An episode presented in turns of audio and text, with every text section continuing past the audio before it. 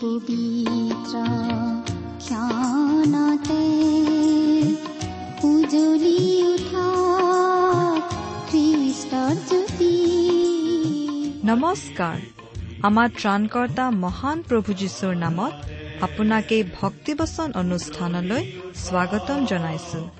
এয়া মুকলি কৰিছো ঈশ্বৰৰ জীৱিত বাক্যৰ ধাৰাবাহিক অনুষ্ঠান ভক্তিবচন। মুখৰিত কৰি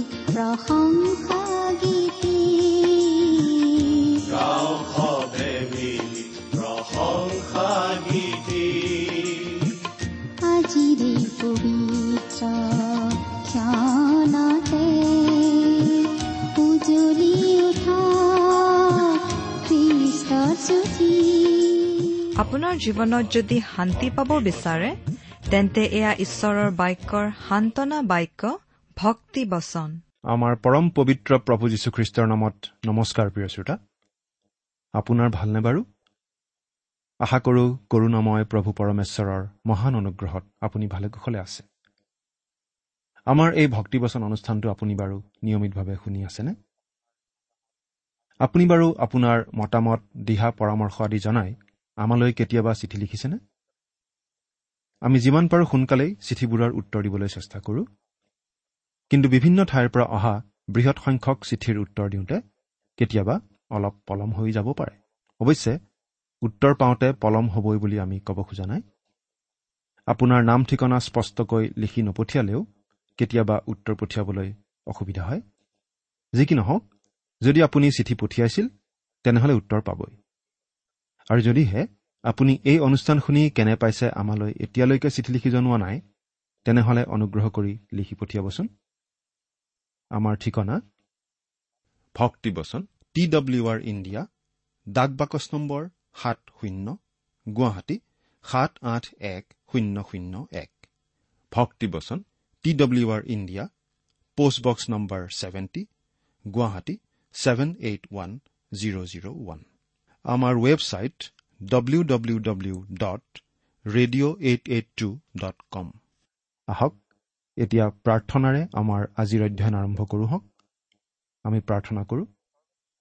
স্বৰ্গত থকা আমাৰ অসীম দয়ালু মৰমীয়াল পিতৃ ঈশ্বৰ তোমাক ধন্যবাদ দিওঁ কাৰণ তোমাৰ বাক্য অধ্যয়ন কৰি তোমাৰ মাত শুনিবলৈ তোমাক ওচৰৰ পৰা লগ পাবলৈ এই সুন্দৰ সময় এই সুন্দৰ সুযোগ তুমি আমাক দান কৰিলা। প্ৰভু এই অনুষ্ঠান শুনি থকা আমাৰ মৰমৰ শ্ৰোতাসকলৰ কাৰণে প্ৰাৰ্থনা কৰোঁ। তেওঁলোকক তুমি বিশেষভাৱে আশীৰ্বাদ কৰা। কোনো যদি দুখত আছে তুমি আনন্দ দিয়া সান্তনা দিয়া। কোনো যদি বেমাৰত পৰি আছে তুমি সুস্থতা প্ৰদান কৰা। তোমাৰ শান্তিজনক উপস্থিতি প্ৰতিজনকে উপলব্ধি কৰিবলৈ দিয়া। তেওঁলোকৰ জীৱনৰ সকলো দিশতে তুমি আশীৰ্বাদ কৰা। তেওঁলোকৰ জীৱন সৰ্বাংগ সুন্দৰ কৰি তোলা। এতিয়া প্ৰভু তোমাৰ বাক্য আমি আলোচনা কৰিবলৈ আগবাঢ়িছো। তুমি আমাক সহায় কৰা যাতে তোমাৰ বাক্য আমি বুজি পাব পাৰোঁ। প্ৰভু যীশুখ্ৰীষ্টৰ যোগেদি তুমি যি দান সকলোৰে বাবে আগবঢ়াইছা সেই দানৰ তাৎপৰ্য বুজি পাবলৈ আমাৰ চকু মুকলি কৰা। কিয়নো এই প্ৰাৰ্থনা ক্ৰুচত আমাৰ হকে প্ৰাণ দি আমাৰ পৰিত্ৰাণৰ পথ প্ৰস্তুত কৰা মৃত্যুঞ্জয় প্ৰভু যীশুৰ নামত আগবঢ়ালো। আহমেন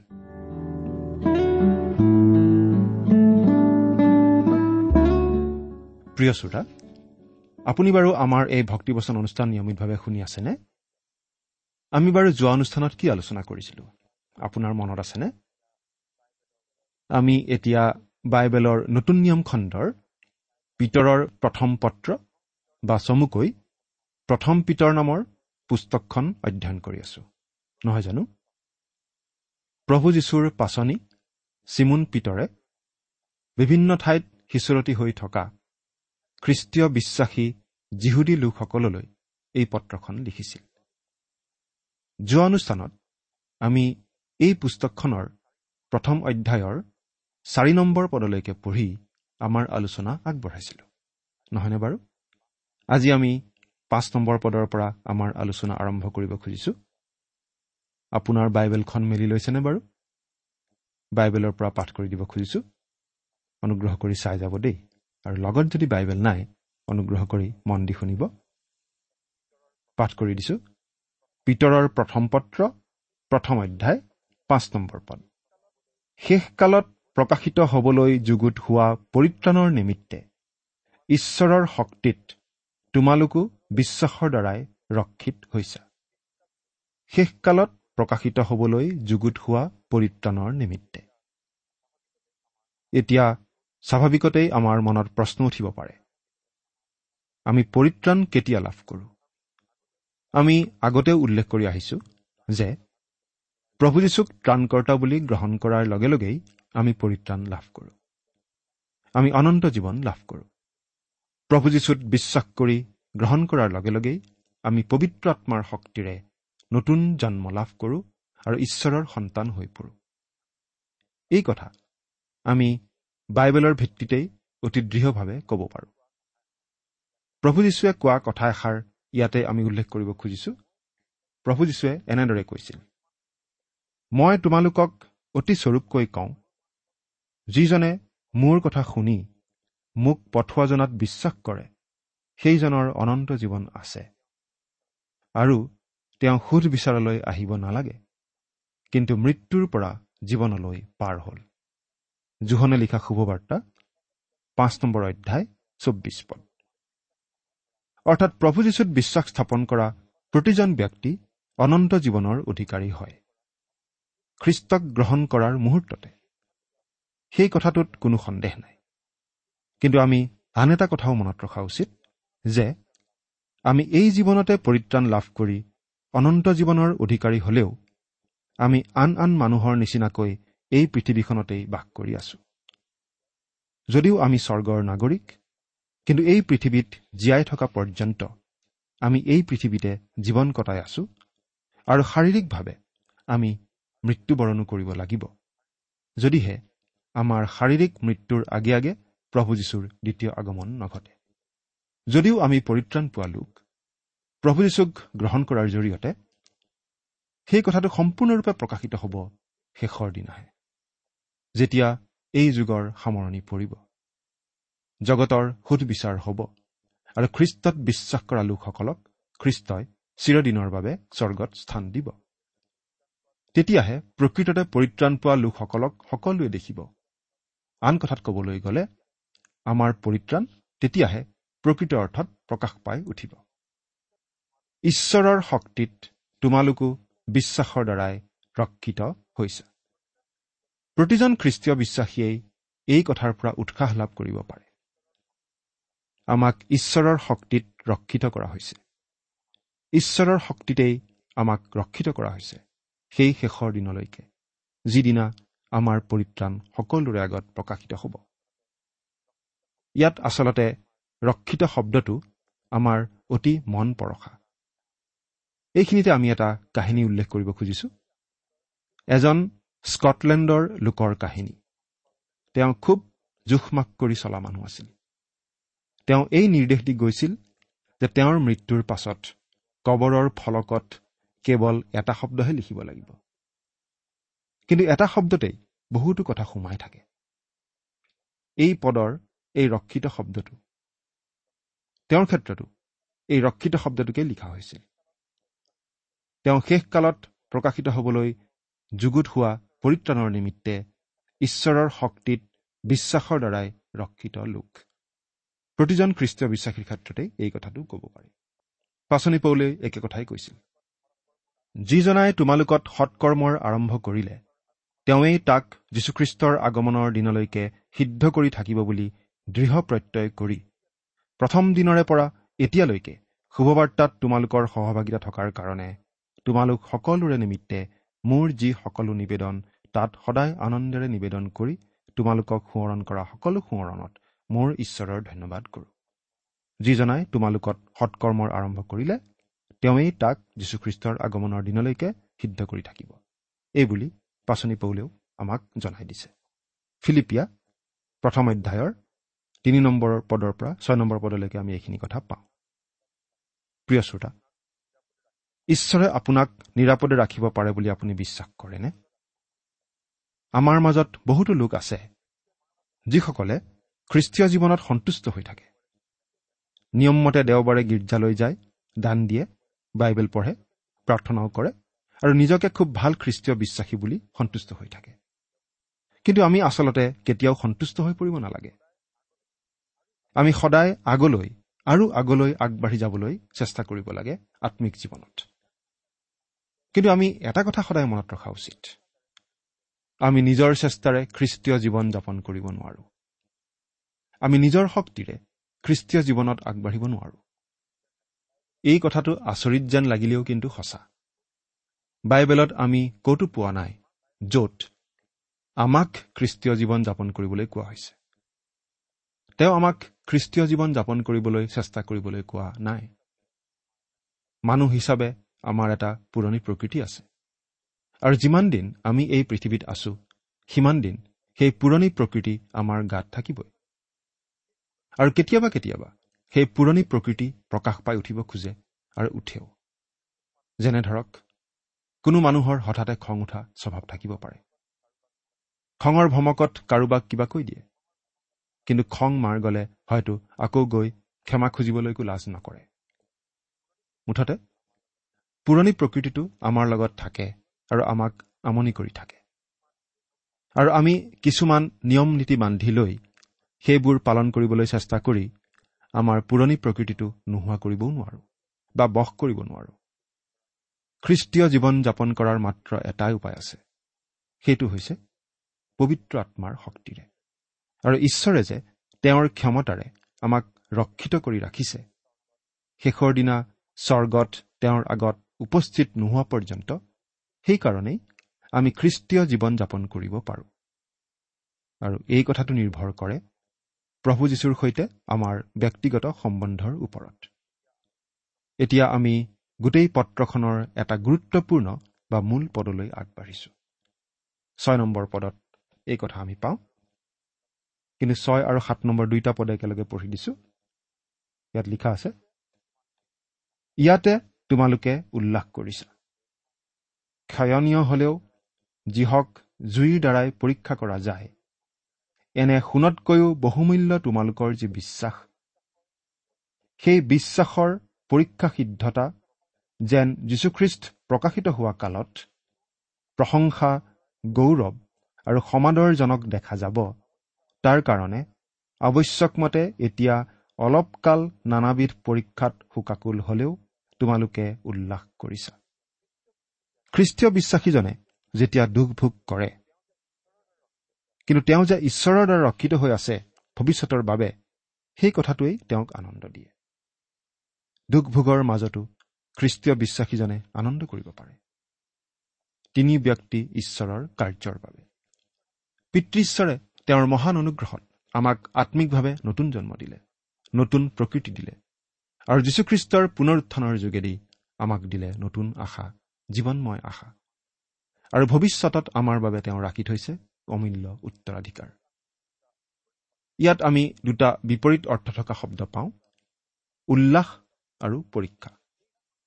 এই জীৱনকালত আমি কিয় দুখ ভোগ কৰিব লাগে পিতৰে তাৰ কাৰণ দিছে? এতিয়া অলপ কাল। পৰীক্ষা বা দুখ ভোগৰ সময় দীঘলীয়া নহয়। কিছুদিনৰ বাবেহে। যদি আমি অনন্ত জীৱনৰ সৈতে তুলনা কৰোঁ। আমি আজিকালি বৰ্তমান জীৱনটোৰ কথাতে গুৰুত্ব দিওঁ। তাকেই আলোচনা কৰি থাকিব খোজো। কেতিয়াবা কিবা সমস্যা কিবা দুখ কচত পৰিলে আমি ভাবোঁ আমাৰ খ্ৰীষ্টীয় বিশ্বাসত কিবা ভুল কিবা কেৰুণ আছে বুলি। আমি ভাবোঁ আমাৰ কোনো বিপদ আপদ নহ'লে কোনো ধৰণৰ সমস্যা নহ'লেহে ঈশ্বৰে আমাক আশীৰ্বাদ কৰি থকাটো বুজায়। আনকি বহুতো লোকৰ ভুল ধাৰণা হৈ গৈছে যে খ্ৰীষ্টত বিশ্বাস কৰা লোকৰ জীৱনত সদায় জয় জয় মই মই অৱস্থা হৈ থাকিব। কোনো বিপদ আপদ নঘটে। কিন্তু আমি মনত ৰখা উচিত যে বাইবেলত তেনে কথা কোৱা হোৱা নাই। বৰং খ্ৰীষ্টীয় বিশ্বাসীসকলে নানা ধৰণৰ দুখ ক্লেশ তাৰণাৰ সন্মুখীন হ'ব লগা হ'ব বুলিহে লিখা আছে। আমি আমালৈ নাচাই। আমাৰ পৰিস্থিতিলৈ নাচাই। আমি চাব লাগে সন্মুখলৈ মহান ঈশ্বৰলৈ। তেওঁ আমাক ভৱিষ্যতে দিবলৈ যুগুত কৰি ৰখা বহুমূলীয়া উত্তৰাধিকাৰলৈ। আমি আমাৰ নিজৰ শক্তিৰে নিজৰ পুৰণি প্ৰকৃতিক উন্নত কৰিবলৈ চেষ্টা কৰি থকাৰ পৰা বিৰত হোৱাই ভাল। আমাক উন্নত কৰাৰ দায়িত্ব লৈছে ঈশ্বৰে। আমাৰ খ্ৰীষ্টিয়ান জীৱনত পৰিপক্কতা অনাৰ দায়িত্ব লৈছে তেওঁৱেই। আমাক উন্নত কৰাৰ উপায় হিচাপেই ঈশ্বৰে আমাৰ জীৱনলৈ আনি দিয়ে নানা ধৰণৰ দুখ ক্লেশ আৰু তাৰণা আচলতে ইয়াৰ আগৰখন পুস্তকতো আমি এই বিষয়ে পাইছো। যীশুৱে আমাক ব্যাকুল নহবলৈ কৈছে। তেওঁ কৈছিল এই জগতত আমাৰ তাৰণা আছেই। ইব্ৰী পুস্তকত আমি পাইছিলো যে ঈশ্বৰে আমাক নানাবিধ দুখ ক্লেশৰ মাজেৰে পৰীক্ষা কৰে। জাকুবৰ পত্ৰটো আমি পাইছিলো যে বহুতো পৰীক্ষা আমাৰ জীৱনলৈ ঈশ্বৰেই আহিবলৈ দিয়ে। পৌলে দুখ সহনৰ বিষয়ে বহু কথাই কৈছে। আৰু এতিয়া পাচনি পিতৰেও একে কথাই ইয়াত কোৱা আমি দেখিবলৈ পাইছো। ঈশ্বৰে আমাক পৰীক্ষা কৰি নানাবিধ পৰীক্ষা দুখ ক্লেশ তাৰণাৰ মাজেদি পৰিপক্ক অৱস্থালৈ লৈ যায়। এই বুলি ক'লে কিছুমান লোকে বেয়া পায়। কিন্তু মানুহে ঈশ্বৰৰ কাৰণে বা ঈশ্বৰৰ নামত কিবা কিবি কৰি প্ৰশংসা লাভ কৰিবলৈহে ভাল পায়। কৃতিত্ব আদায় কৰিবলৈ ভাল পায়।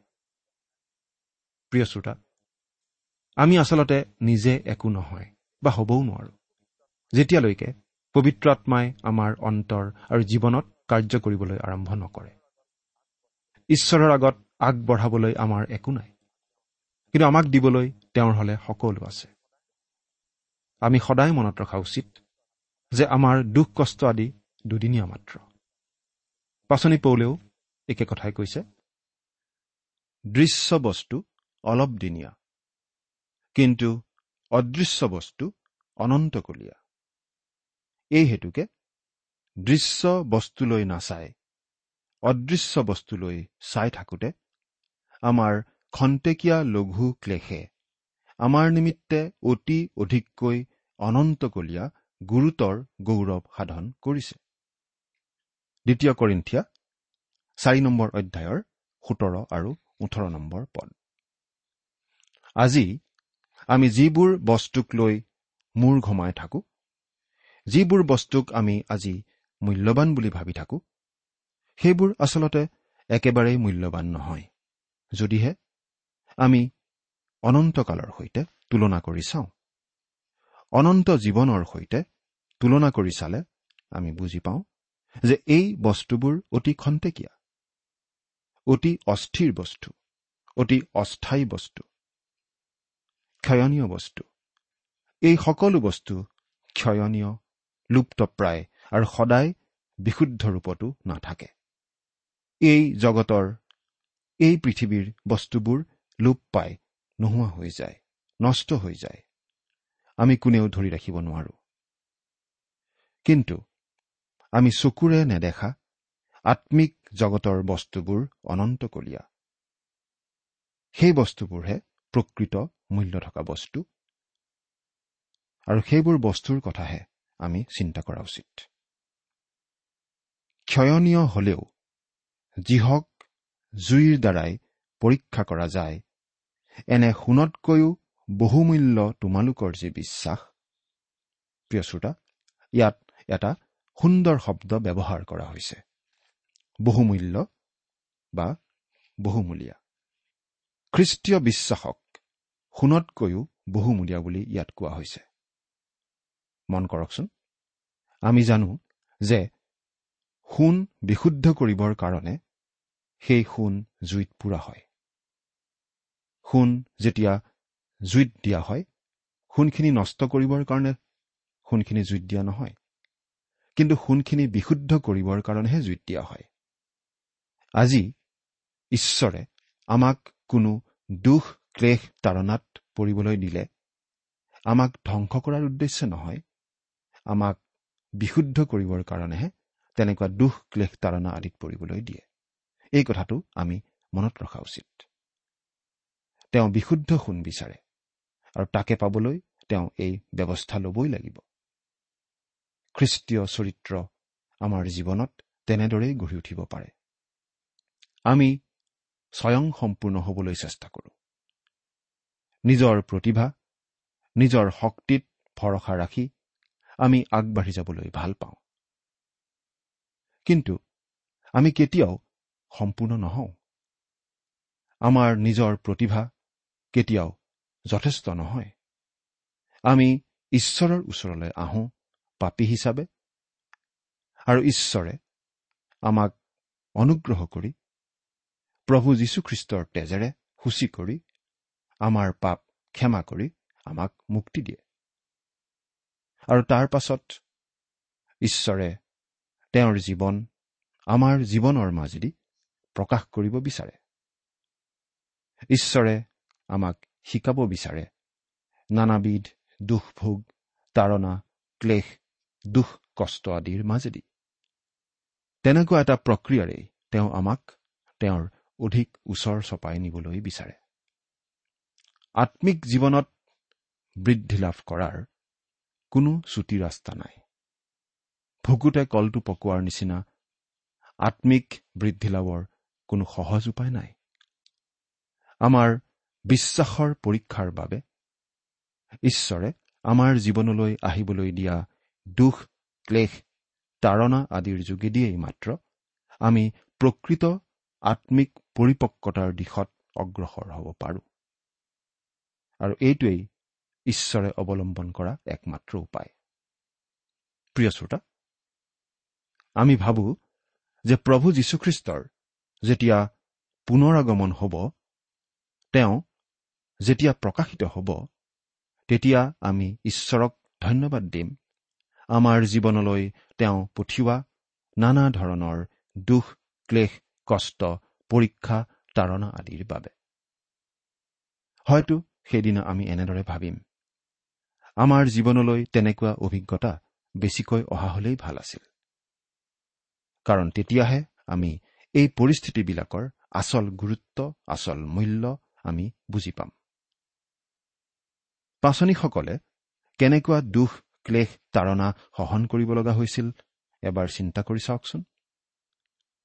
তাৰ তুলনাত আমিতো একো সহ্য কৰাই নাই।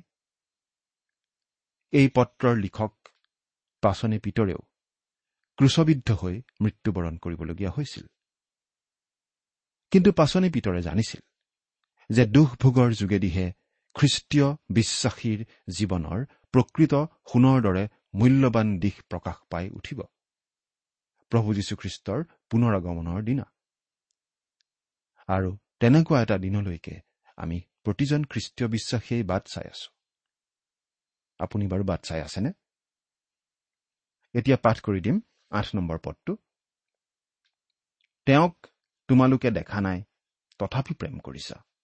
আৰু এতিয়াও নেদেখিও তেওঁত বিশ্বাস কৰি অনিৰ্বচনীয় আৰু প্ৰভাৱযুক্ত আনন্দেৰে উল্লাস কৰিছা। পাচনি পিতৰে প্ৰভু যীশুখ্ৰীষ্টক অতি ওচৰৰ পৰা লগ পাইছিল। তেওঁৰ লগত তিনি বছৰতকৈ অধিক কাল তেওঁ কটাইছিল। কিন্তু তথাপি তেওঁ প্ৰভু যীশুখ্ৰীষ্টক চিনি নাপাওঁ বুলি কৈছিল ভয়তে। যেতিয়া প্ৰভু যীশুখ্ৰীষ্টক বন্দী কৰা হৈছিল যেতিয়া প্ৰভু যীশুখ্ৰীষ্টক ক্ৰুচত দিবৰ বাবে বন্দী কৰি লৈ যোৱা হৈছিল তেতিয়া পিতৰে ভয়তে তেওঁক চিনি নাপাওঁ বুলি কৈছিল। প্ৰভু যীশু তৃতীয় দিনা কবৰৰ পৰা আকৌ জি উঠি শিষ্যসকলক দেখা দিছিল। সাগৰৰ পাৰত মাছ মাৰি থকা পিতৰক প্ৰভু যীশুৱে লগ দিছিলহি। প্ৰভু যীশুৱে কিন্তু পিতৰক এই বুলি কোৱা নাছিল। পিতৰ তোমাক মই আৰু ভৰসা কৰিব নোৱাৰো। তুমি মোক কিয় অস্বীকাৰ কৰিছিলা? তোমাৰ ওপৰত মই আৰু বিশ্বাস কৰিব নোৱাৰো। এই বুলি কোৱা নাছিল। কিন্তু প্ৰভু যীশুৱে এই বুলিহে পিতৰক কৈছিল পিতৰ তুমি মোক প্ৰেম কৰা নে পিতৰে কৈছিল প্ৰভু আপোনাক প্ৰেম কৰোঁ বুলি আপুনি জানে? আৰু প্ৰভু যীশুৱে কৈছিল মোৰ মেয়ৰবিলাকক প্ৰতিপালন কৰা। আৰু এতিয়া সেই পিতৰেই আমাক কৈছে তেওঁক তোমালোকে দেখা নাই তথাপি প্ৰেম কৰিছা। পবিত্ৰ আত্মাই প্ৰভু যীশুক আমাৰ আগত প্ৰকাশিত কৰে। এয়েই খ্ৰীষ্টীয় জীৱনৰ চাবিকাঠি। এতিয়া ন নম্বৰ পদটো পঢ়ি দিছো। আৰু তোমালোকৰ বিশ্বাসৰ শেষ অৰ্থাৎ জীৱাত্মাৰ পৰিত্ৰাণ পোৱা হৈছা। পৰিত্ৰাণ পুৰণি নিয়মৰ দিনৰ ভাৱবাদীসকলৰ ভাৱবাণীৰো মূল বিষয় আছিল। ভাৱবাদী আৰু যীশুখ্ৰীষ্টৰ পাচনীসকলে পৰিত্ৰাণৰ সত্যতাৰ সাক্ষ্য দাঙি ধৰে। খ্ৰীষ্টই মানৱৰ পৰিত্ৰাতা। তেওঁত বিশ্বাস কৰি মানুহে পৰিত্ৰাণ লাভ কৰিব পাৰে। সকলো পাপৰ শাস্তিৰ পৰা ৰক্ষা পাব পাৰে। এই কথাটো নিশ্চিতভাৱে আমি এই জগতত জীয়াই থকা অৱস্থাতেই জানিব পাৰোঁ। এই কথা জনাৰ পাছত নানাবিধ সমস্যা দুখ কষ্টৰ মাজতো আমি সান্তনা পাব পাৰোঁ। প্ৰিয় শ্ৰোতা প্ৰভু যীশুত বিশ্বাস স্থাপন কৰি যি পৰিত্ৰাণৰ নিশ্চয়তা আমি লাভ কৰিব পাৰোঁ সেই নিশ্চয়তা আপুনি বাৰু আপোনাৰ হৃদয়ত অনুভৱ কৰি আছেনে? চিন্তা কৰি চাওকচোন। ঈশ্বৰে আপোনাক আশীৰ্বাদ কৰক। আহমেদ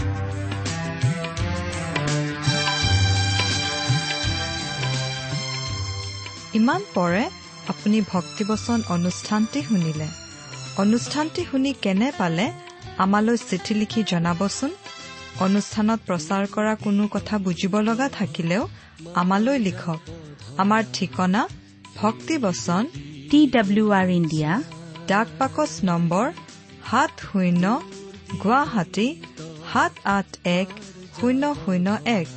ঠিকনাটো আৰু এবাৰ কৈছো ভক্তিবচন টি ডাব্লিউ আৰ ইণ্ডিয়া ডাক পাকচ নম্বৰ সাত শূন্য গুৱাহাটী সাত আঠ এক শূন্য শূন্য এক। আপুনি ইমেইল যোগেৰেও আমাৰ সৈতে যোগাযোগ কৰিব পাৰে। আমাৰ ইমেইল আইডিটো হৈছে Assamese T TV at radio' eight eight two dot com. আইডিটো আকৌ এবাৰ কৈছো। Assamese T TV at radio' eight eight two dot com. আপুনি টেলিফোনৰ মাধ্যমেৰেও আমাক যোগাযোগ কৰিব পাৰে। আমাৰ টেলিফোন নম্বৰটো হৈছে শূন্য তিনি ছয় এক দুই ছয় শূন্য চাৰি ছয় সাত এক। ফোন নম্বৰটো আকৌ এবাৰ কৈছো zero' three six one two six zero' four six seven one আজিৰ অনুষ্ঠানটি ইমানতেই সামৰিছো। ঈশ্বৰৰ শান্তি আৰু অনুগ্ৰহ আপোনাৰ লগত থাকক। ধন্যবাদ। আহিছো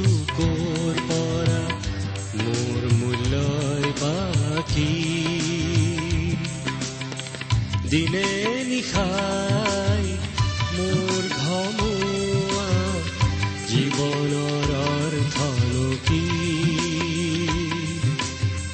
অলেখ চিন্তাই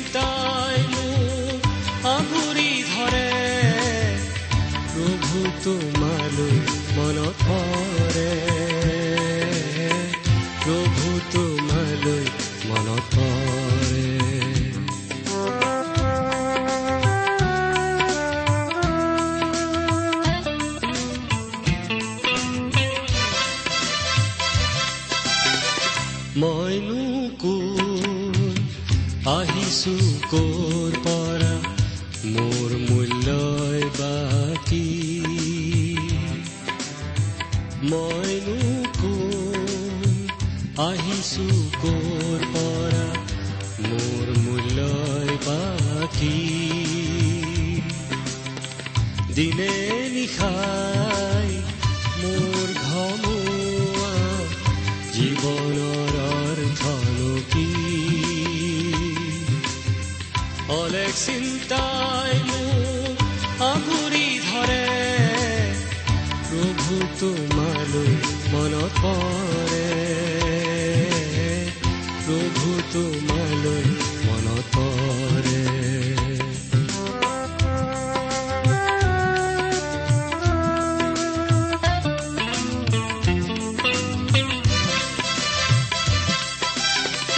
তুমিয়েই দিলা মোক জীৱনৰ অৰ্থ জীয়াই থকাৰ লক্ষ্য। তুমিয়েই জীৱনৰ অৰ্থ জীয়াই থকাৰ লক্ষ্য। এই জীৱনৰ সিপাৰে থকা অনন্ত জীৱনৰ বাক্য। হৃদয় উপচে মোৰ কৃতজ্ঞতাৰে প্ৰভু তোমালৈ মনত তোমালৈ মনত কৰে